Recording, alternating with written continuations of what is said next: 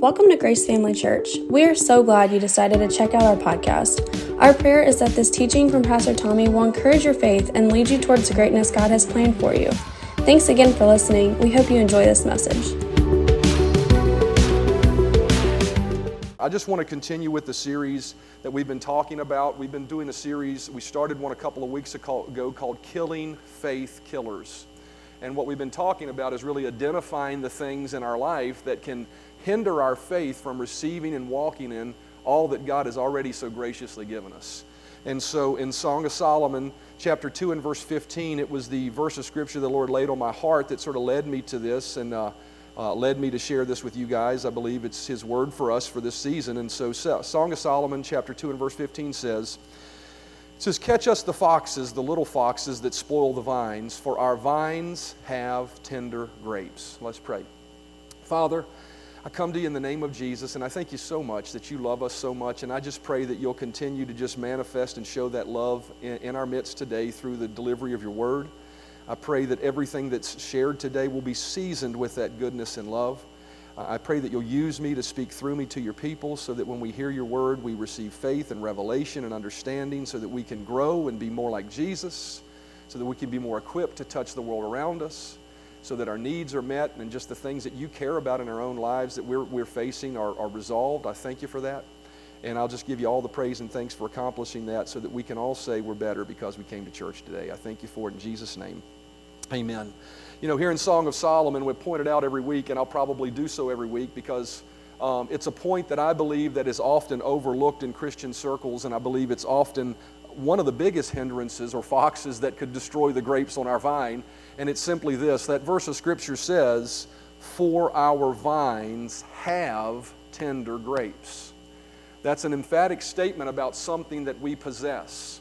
And, and what that really, what we've pointed out over the last couple of messages is as a believer, oftentimes we live our lives um, asking God to give us something as if we haven't possessed it yet, as if it's in His hand, and we're saying, God, could you please give me healing? Could you please give me prosperity? Could you please give me deliverance from this situation? Could you please give me peace like it's in His hand? And certainly all of those things are in, are in heaven, they're with Him, right?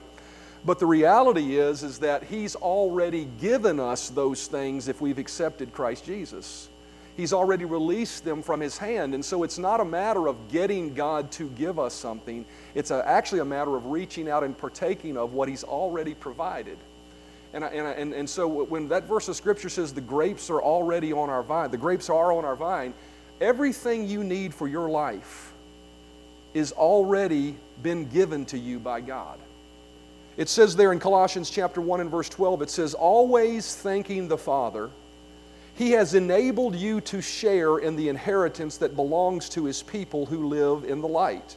For He has rescued us from the kingdom of darkness and translated us into the kingdom of His dear Son. Notice it says, He has rescued us, He has already done so.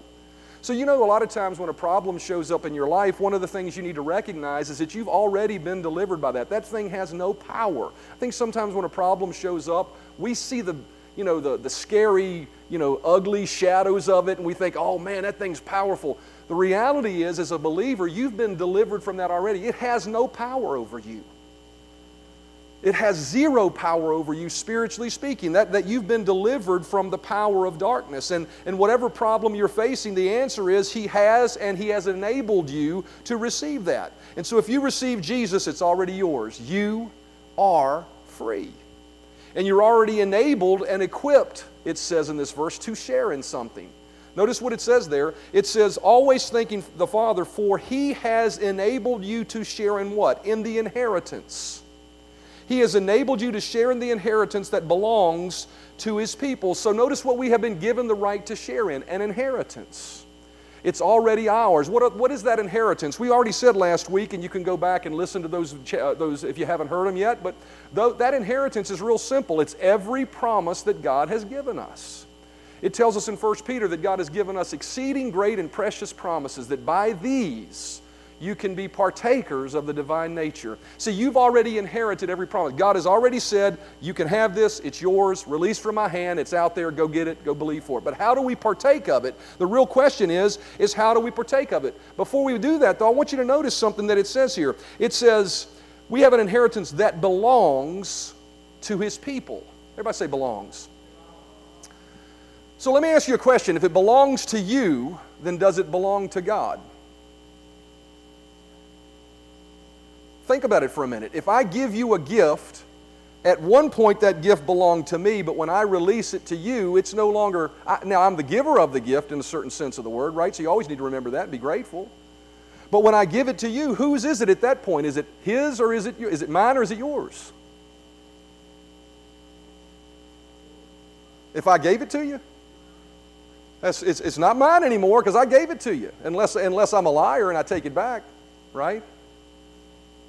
Anybody got, anybody got want to illustrate this by pulling out a $20 bill and giving it to me?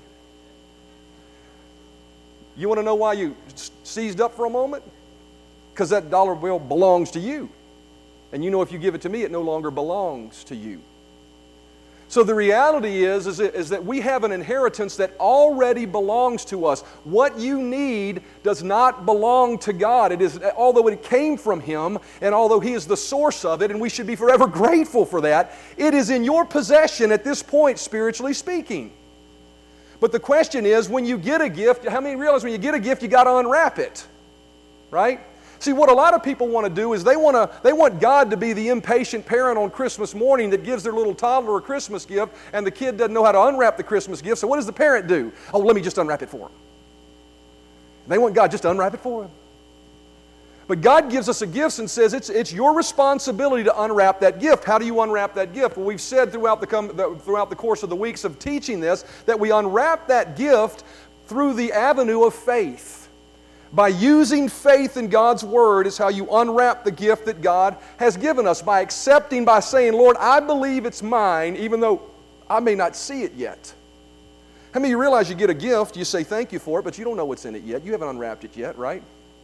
Many times God gives us a gift and says, This is your promise. You are healed. We need to say, Lord, thank you for that gift. Now I'm unwrapping it by my faith and I will see the manifestation of it as my faith continues to unwrap this thing in my life. Amen? And so we need to receive our gifts by faith. Hebrews 11:1 said, "Faith is the substance of things hoped for." That word "hope for" means expected, right? So faith gives substance to what you expect. And so if, you're, if God says, I promise you healing, and you say, okay, I receive that healing, I expect healing, faith says, I expect it to manifest. I'm not waiting for God to do it. I'm not waiting for God to reach down and I'm just going to receive what He's already provided for me. Faith joyfully accepts in the heart before it sees with the eyes. And so, with this understanding of faith, let's go back and look at our previous verse. Colossians chapter 1 and verse 12 says, Always thanking the Father. Everybody say, Always thanking the Father. Who has enabled you to share. And so, notice that phrase, thanking the Father. Thanking the Father basically tells us that is the attitude or position of faith that we should be in in our life. I've always said this thank you is the voice of faith. Why? Because when somebody, how many realize you don't say thank you for something that somebody hasn't given you yet? You say thank you for something that someone has given you. So, thank you is that voice of faith that says, that's why the Bible says praying always, thanking the Father. It talks about that hand in hand. A lot of people think that means just beg Him, beg Him, beg Him. No, it means thank Him, thank Him, thank Him. Begging is not the voice of faith. Pleading is not the voice of faith. Wanting it really bad is not the voice of faith. Thank you is the voice of faith. Thank you is the voice that says, Lord, I thank you. I believe I've received healing from you. I may not see it yet, but I believe it's mine and it's working in my life and it will manifest. I expect it to manifest. And so, thank you is the voice of faith. And so, faith is how we receive, right? But the reality is, is there how many of you realize throughout the scriptures you've seen Jesus many times tell people they didn't receive because of their lack of faith or no faith or wavering faith or doubting, right? So there are things that can hinder our faith from receiving. I'd love to preach you a pie in the sky message this morning and tell you, well, just believe God and everything's going to happen. Sometimes things don't happen, but they don't happen not because of God withholding They don't happen because of a failure for us to connect in our humanity and the frailty of the life that we live in sometimes. That's just a reality. But we overcome this world, the Bible says, through faith, right? And so that faith, uh, there are things that will try to hinder our faith from overcoming, from receiving what God has for us. Notice it says, Catch us the little foxes, or catch us the foxes, the little foxes that spoil the vine. So there are little foxes, and I said I call these faith killers. These, these are the things that sneak in and undermine our faith and stop us from being and staying in a position of faith to receive what God has already given us. Right? Not to pull from God what, what we need for Him. He's already given. I'm going to stress that. I'm going to drive it home because so many people just don't get that. You may hear me, maybe I just need to keep saying it because there are some people that will go home today and say, Man, I wish God would heal me. I wish God would just show up and do this. I wish God would just show up and do that. He's already done it. You got to receive it by faith. Amen. Get that down into your heart. And so there are little foxes that we'll see this. So this week, last week I talked about one uh, little fox, one faith killer that can rob our faith, and we said that was spiritual ignorance. And look at your neighbor and say, uh, You're not stupid, you're just ignorant. You realize we're all ignorant? The Bible says we know in part, so that tells me there are some things we don't know. So, guess what? Every one of us are ignorant. That's different than being stupid. You know, stupid is as stupid does, right? but being ignorant is a different animal. Ignorance is not knowing the truth, spiritual ignorance. So there's a lot of people who don't receive because, you know, they may not know the truth. They may not have received a revelation. They may have heard God wants to help them or God wants to heal them, but they've never spent time allowing that truth to become a reality in their heart to the point that they're like, I believe I'm healed. I don't care what I'm saying. I believe I'm prosperous. I don't care what I'm saying. Right? They haven't let that settle in. That spiritual ignorance is one of the reasons we don't receive. Today I want to try to get three of them to you in the amount of time I got. Try to get three of them, all right? So the first one is this What's an enemy that can destroy our faith? Another enemy that can destroy our faith or hinder our faith is disobedience. Everybody say disobedience. Now, I'm going to tell you, as I go through these first two, I want you to understand something that when we share the Word of God on subjects like this that seem to be a little, in, for lack of a better word, negative, right? Disobedience is a negative word, right? The positive of that word is obedience. When we talk about disobedience, I want you to understand something. It is not God pointing the angry finger at you this morning. That is not what, what this is about. This is about the loving heart of the Father saying, Look, this is one of the reasons you don't receive what I've already given, right? And so disobedience is one of those reasons. Isaiah chapter, it's not always the reason, right? Because if somebody's not receiving, don't go around saying, well, they must be disobedient, right? And it's your place to figure that out. You need to work out your own salvation with fear and trembling love people and pray for them and believe for the best for them, right? And leave all the rest up to God. But disobedience in our own life is one of those things we need to evaluate.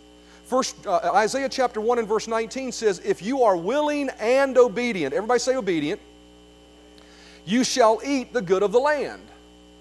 Now, that's a statement, an emphatic statement from the heart of God. He says, If you're willing and obedient, you shall eat the good of the land, but if you refuse and rebel, you shall be devoured by the sword. Notice obedience is required to eat the good of the land. And so, one of the reasons we may not be eating the good of the land is because there could be areas of disobedience in our life, right? There could be areas where we know we should be doing this, but we're not. And I will tell you, when you walk in a position where you know you should be doing something and you're not, you have put yourself, we're going to find out in a minute, in a spot where your faith will be hindered and you cannot eat the good of the land. That's what the scripture says. You can't just override God. Even, even in an age where we talk about grace and the grace of God that forgives us, you're going to find out here in just a moment that God's not angry with you when you disobey. He's already forgiven you. The blood of Jesus has already set you free. He's not the one withholding the promise. Disobedience causes us to miss for a lot of different reasons, but it's not because God's holding it back. As we said last week, He's already promised it. His yes is yes and His amen is amen. He's already done it. It's yours. Then why don't I receive it? Sometimes because it's disobedience. Why? Because disobedience impacts our life in two important ways we need to understand.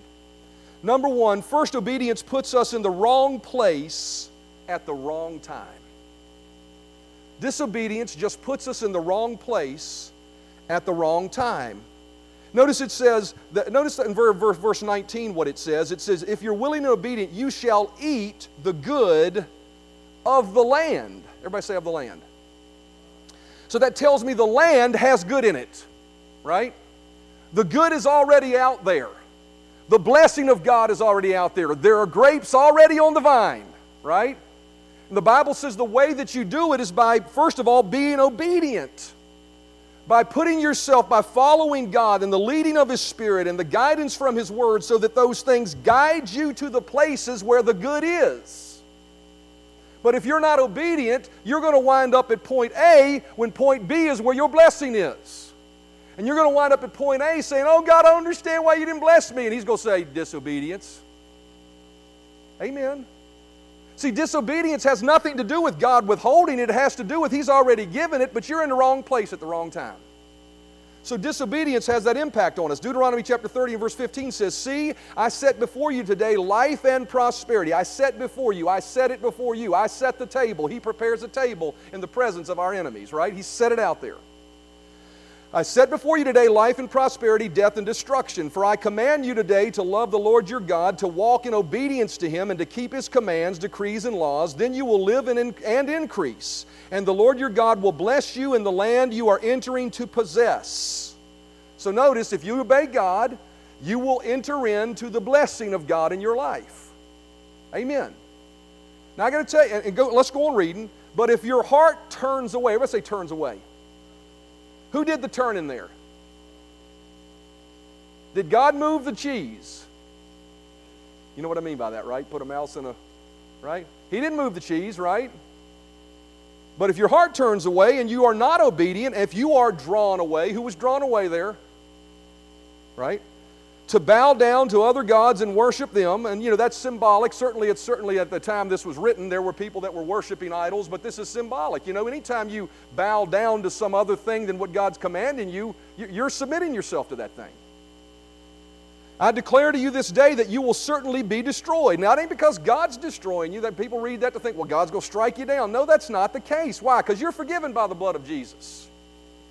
The Bible says in 2 Corinthians that God is not counting men's sins against them. He is not judging people in the day and age in which we live, especially. You're destroyed by your own choices. Amen. You know, can't understand why I get out of debt. Well, you don't, keep, you don't stop swiping that credit card. That ain't God. That ain't got nothing to do with God. I declare to you this day that you will certainly be destroyed. You will not live in the land you are crossing the Jordan to enter and possess. This day I call heaven and earth to witness against you that if you that that I have set before you life and death, blessing and curses. Now choose life. Can you hear the heart of God? I've given it to you. Go get it. Just choose life. Be obedient so that you and your children may live. And so I can tell you that application of obedience is so critical in our lives. And it's not just the big things. Remember, we said the little foxes, right? It's not just talking about not smoking, drinking, and chewing and running around those that are doing, right? It's also talking about the little things that you see in God's Word. You know, I could list them off here, but I, you know, you're, you're smart enough and you're hopefully you're listening to God. There are probably things in your life right now that when I said that, you're like, oh, I should have been doing that all along. Just get it right. Be obedient. Because I can tell you, if you're not obedient, you're going to be lacking in this area. You're not going to enter in. You're going to be at point A when you should be at point B. And so disobedience puts us in the wrong place at the wrong time. But not only that, but disobedience has another impact on us that is even more impactful on our faith. Disobedience impacts our confidence towards God even though He's already forgiven us. 1 John chapter 3 and verse 18 says this. It says, Dear children, let us not love with words and speech, but with actions and truth. So what's he saying there? He says, don't just talk about it, do it. Right? Now, here he's talking about love, but how many of you realize if you're walking in love, you're obeying everything God said? Because Jesus said that love is fulfilling the whole law. So, so, what he's talking about here is actually walking out every day of your life obedience to God's word and his commands, right? It says this is how we know the truth and how we have our hearts at rest in His presence. So what it says is, is this, you can't get away from this. No matter how much a person preaches to you about the grace of God, you cannot eliminate this scripture. See, some people would tell you, well, you've got grace and you just need to know God forgives you for everything and don't let con- condemnation bug you. But what this verse says is that if you're not living in the truth, now if you make a mistake and you stumble and get back up, then embrace grace. But if you've chosen to wallow in the pig pen, no matter how much you scream about grace, grace, grace, your confidence towards God is going to be affected. And that's what this is. You ain't going to have peace with God. You're not going to have peace. This is how we belong. This is how we know we belong the truth. This is when in that spot where we're obeying God, we're doing what we should be doing in our heart of hearts. Because I got to tell you, you know, serving God is not about the outward thing. It's about it's about gritty, down to earth, who you are, what you really believe. Right? And, and, and we want to be in a spot when we're walking in life, I'm like, my heart is at rest with Him. I'm right. And if it's not, then there are, eh, because there are areas of disobedience, and you got to resolve those things because what it says in the next verse is this For if our heart condemns us, notice God ain't condemning us. How many realize God's not in the condemning business? If you don't realize that, He's not. I'll show you that one in a minute. But what this says is, is when we do that, our own heart, the nature of God, actually says, ugh. You ever done something, your heart just is like, eh, I don't feel right. Our hearts condemning us, and it, and it affects our confidence towards God. It says, For our hearts condemn us, but God is greater than our heart and knows all things. So the good news is, is even though your hearts condemn you, what that, the good news of that verse is, is that God and His grace is greater than that. He forgives you. He's not holding it against you, but you're still, with, still dealing with a divided heart that's not lined up yet. He's saying, I love you, I'm not against you, all the blessings are yours, but your heart has got to be dealt with. It ain't a matter of God having to deal, you having to deal with God loving you and liking you. How many of you look at your neighbor and say, God already loves me? He does. He, I mean, if He loved you enough to send Jesus when you were out there cohorting and living for the devil, how much more what does He love you now as His child? He's not against you. So disobedience puts you in a spot where your heart is not right with God. But notice what it says in the next verse, uh, verse uh, 20 of this. It says, Beloved, if our heart does not condemn us. Well, based on the previous verses that we read, when would our heart not condemn us? When we're at peace with God, when we're lined up, when we know we're not wallowing in a pig pen somewhere, when we know we're not blatantly disregarding something God says in His Word we should do, but we're choosing not to do it when our hearts lined up, it says, But then our hearts condemn us not. We have confidence toward God. See, this isn't a matter of God having confidence or love toward us. This is a matter of God having us having confidence toward Him. And whatsoever, notice because of that confidence, here's the great news this morning. You get lined up, here's what you can do with faith. And whatever we ask, we receive of Him because we keep His commandments and do those things that are pleasing in His sight. It says we can receive those things it's not, you know, it says because we, because we do what's pleasing in His sight, because we do what makes His heart happy. Not because God says, oh, you made me happy, here have a cherry, you know. Have a piece of bubble gum because you made me happy. He's already given it. I'm going to say it over and over again. You're going to get sick of me hearing it, but I, I hope I say it so much that when you're in your personal life, you, you catch yourself thinking, I got God to give me something. oh, no, no, no, He's already given it. That, that thought crosses your mind, and you embrace it. And so what we understand is, is he's not withholding it. It's just saying when you do things that make the heart of God happy, it makes him happy. That, that you're going you're gonna be able to ask for whatever you want and receive it from him, what he's already given. Amen. And so disobedience is one of the faith killers we need to be wary of. 1 John chapter 1 and verse 22 says, But be doers of the word and not hearers only, deceiving yourselves. You know, there's a whole lot of Christians deceiving themselves. Maybe they're majoring on the majors and they're right with God, but there's a little area of their life that they're being, uh, they're lacking integrity, or they're not doing what God said they should do, or they're not, you know, that little area is just eating at them, eating at them, eating at them, and they think, well, I can get blessed without it, or when I get blessed, then I'll do that. Right? And the reality is you can't reverse them. If you're willing and obedient, then you'll eat the good of the land. And so, what this verse says, be doers of the word, not hearers only, because if you're just a hearer, but you say, I'm going to do it later when I can, then you're deceiving yourself. You never will be able to. You just have to bite the bullet sometimes and do it, even the hard stuff. Amen? But he who looks into the perfect law of liberty and continues in it and is not a forgetful hearer, but a doer of the work, that this one will be blessed in what he does. And so it's our obedience that leads us to the right places in God so that we have confidence with him, so we're at the right place at the right time and we can be blessed. And so obedience or for lack of a better term, disobedience is a little fox that can rob us. What's another one? Everybody say rebellion. So those words seem like they'd be interchangeable, but disobedience and rebellion are two different things. Completely two different things. For Isaiah chapter 1 and verse 19 says, If you are willing, everybody say willing. If you're willing and obedient, you shall eat the good of the land. But if you refuse and rebel, you shall be devoured by the sword. So there's two criteria there to eat the good of the land in this scenario, in this, this command God gives us. First of all, we, we've talked about obedience, but it also talks about willingness. If you refuse, that's disobedience.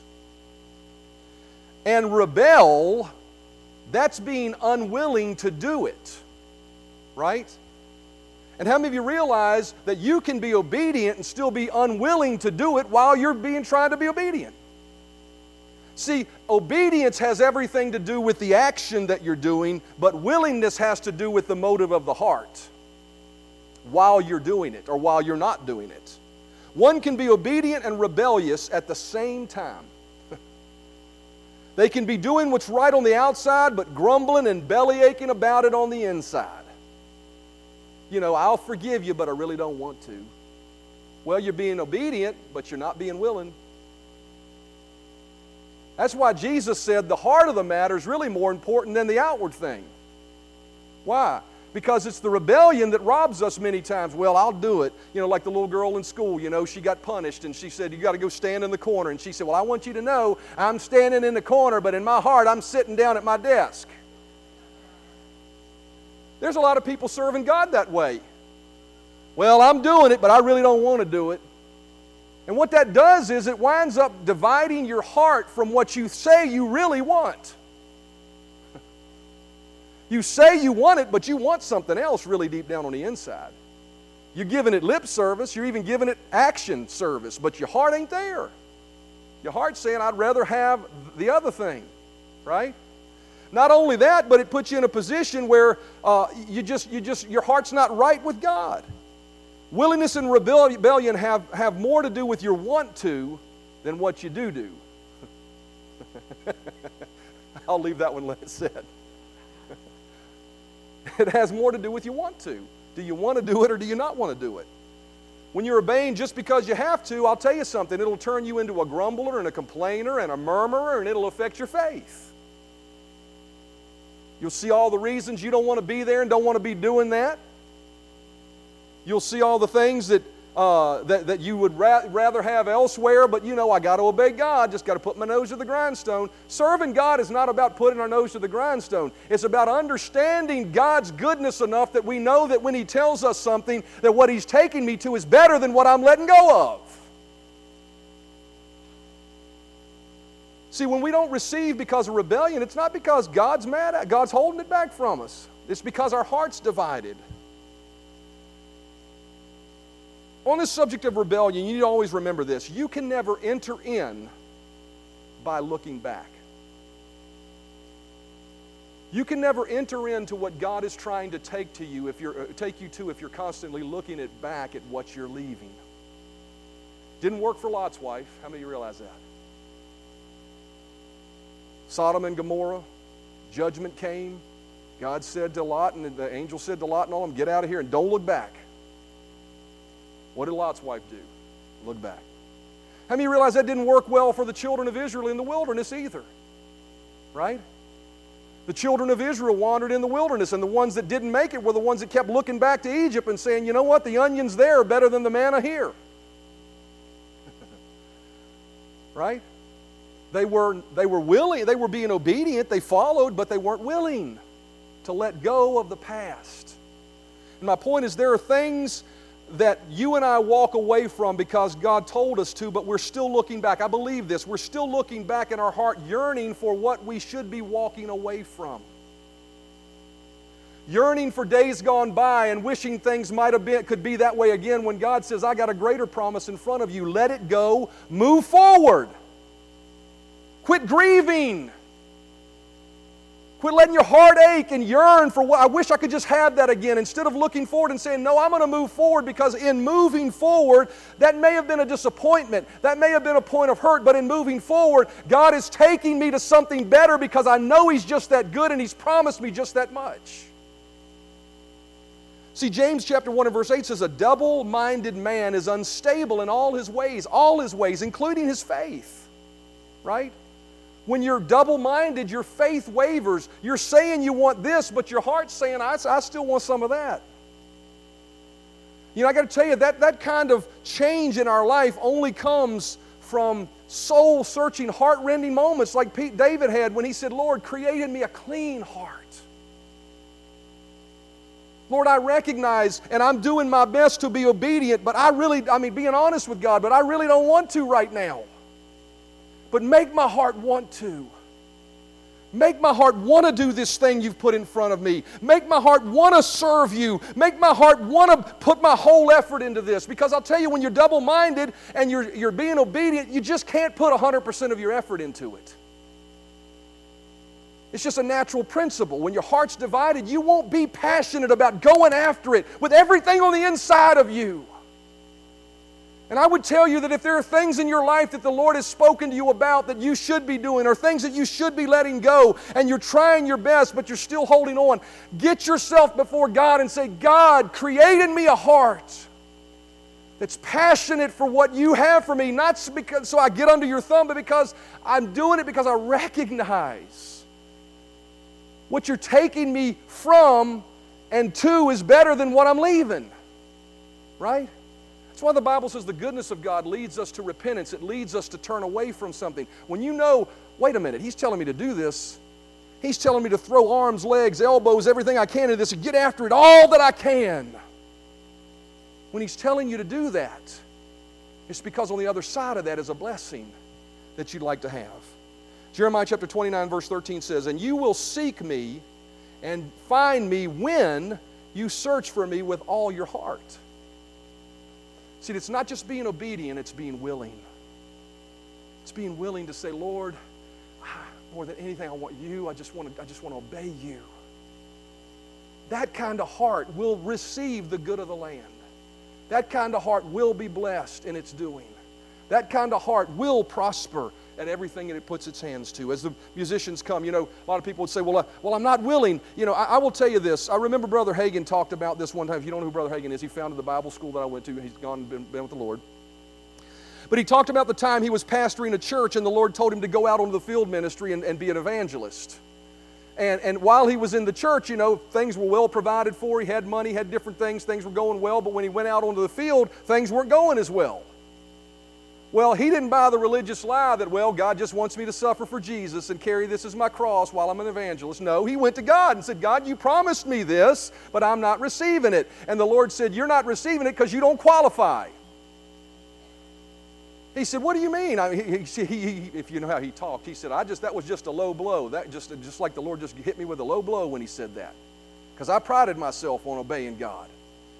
He said, Well, what do you mean I don't qualify? And the Lord spoke back to him. He said, Go to Isaiah 1 and verse 18 and read it. He said, If you're willing and obedient, you shall eat the good of the land. He said, Well, Lord, you know I'm obedient. I'm out here doing it. He said, Yeah, but you don't qualify.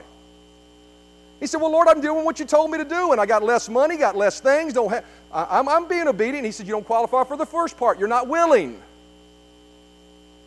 See, the whole time he was out there, he's looking back at what he did have instead of what God said he could have. He said, Now don't tell me it takes a long time to get willing because I real quickly said, Okay, Lord, I get it. I'm turning the knob. I'm willing now. So when I talk about getting before God and praying and, oh Lord, give me a clean heart, it don't take a, a, whole lot of time. Right now, if your heart's saying, Lord, give me a clean heart, turn the knob and be willing.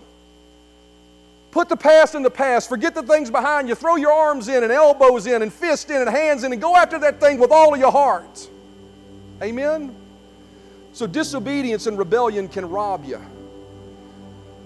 I wanted the musicians to come because this last part, when you talk about disobedience and rebellion, there's a third faith killer that you have to talk about. If you don't talk about it in context of these two, you can walk away with this actual faith killer destroying your faith.